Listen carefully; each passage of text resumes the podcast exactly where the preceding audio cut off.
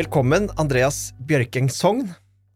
Du jobber jo med branddesign og visuell identitet i Trydesign og er en av våre eksperter her på huset. Kan du si litt mer om ditt fagområde? Ja. Eh, branddesign det handler jo egentlig om å bruke design og visuelle verktøy som logo, farger, font og bilder, og illustrasjoner, eh, for å skape eller synliggjøre en eller annen form for strategisk endring i et selskap. Og endring er det jo veldig mange som uh, har behov for. Og visuell identitet, branddesign, det engasjerer jo veldig mange. Men hvem er det det egner seg for?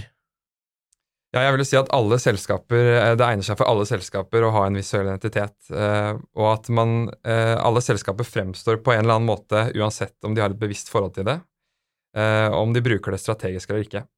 Så det egner seg for alle. ved å bruke visuell identitet bevisst, så kan man da få kontroll over og sikre at måten man fremstår på og bli assosiert med, stemmer overens med de målene og ambisjonene man har som selskap. Men hvorfor er fagområdet ditt viktig å satse på? Altså, hva slags type argumenter er det man ofte møter på om man skal satse på det eller ikke?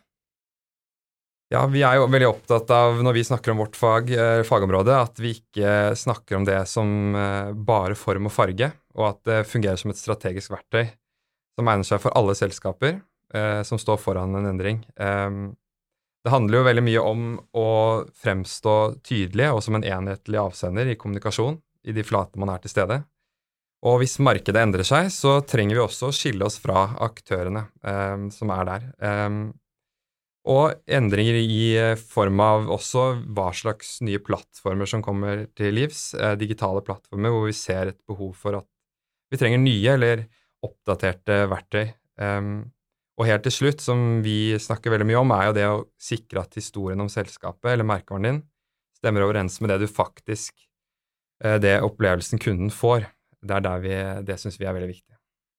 Og så jobber dere jo med mange ulike typer prosjekter og veldig mange uh, ulike former for eh, kunder. Hva er det som er uh, det mest vanlige? Ja, Det mest vanlige er egentlig den store variasjonen, rett og slett. Eh, det er altså alt fra små lokale eh, kunder til store, komplekse og mer internasjonale kunder. Eh, og der er det jo også en forskjell fra om det er offentlig eller privat. Her er det en god miks, rett og slett. Og disse kundene, alt fra smått til stort, kommersielt og privat, de har vi da innenfor ulike bransjer som kultur, finans, eiendom, mote, møtesteder, reiseliv, energi, for å nevne noen. Eh, Men og så lurer jeg på at eh, noen har jo tenkt at eh, visuell identitet er jo noe man eh, jobber med en gang, og så må man gjøre noe eh, om ti år igjen. Ja. Eh, er det sånn det fungerer? Nei, det gjør jo ikke det i praksis. Altså, det er jo En endring tar jo tid, og det skjer ikke over natta, rett og slett. Så her må vi jobbe kontinuerlig med å forvalte dem vi skal være, og det er det som skaper en effektiv identitet, rett og slett. Men mange av de som kommer til, til dere, Eh, hva er det som har skjedd eh, av endringer eller andre typer ting som gjør at de faktisk kommer og tenker nå skal vi gjøre et prosjekt? Ja, nei, Det er mange som kommer til oss som egentlig også har en veldig god visuell identitet eh, på plass og et kjempegodt utgangspunkt. Så her er det jo det at det kanskje har skjedd en, altså en endring på utsiden som gjør at man må gjøre en endring i identiteten, så at den eh, presterer eh, så godt som den skal gjøre.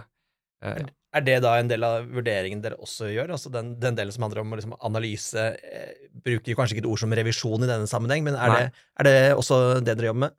Jeg vil ikke tulle med at vi gjør sånn visuell revisjon, men vi syns det kanskje er litt for, eh, for, for, streit, rett og slett. Men det vi gjør, er jo egentlig å ta en helsesjekk.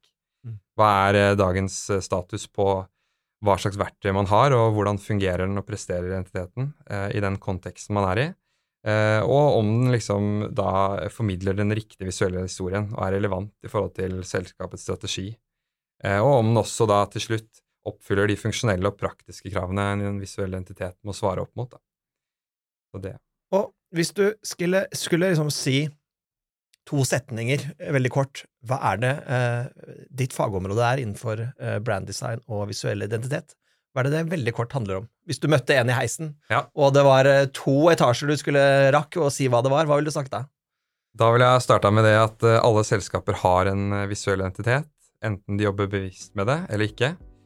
Ved å ta kontroll over din visuelle identitet så sikrer du at måten målgruppen din oppfatter deg, er i tråd med målene og ambisjonene du har satt for selskapet ditt. Hvis du vil lære mer om dette temaet, kan du enten gå inn på try.no, eller ta kontakt med fagpersonen du nettopp hørte. Kontaktinformasjon finner du i episodebeskrivelsen.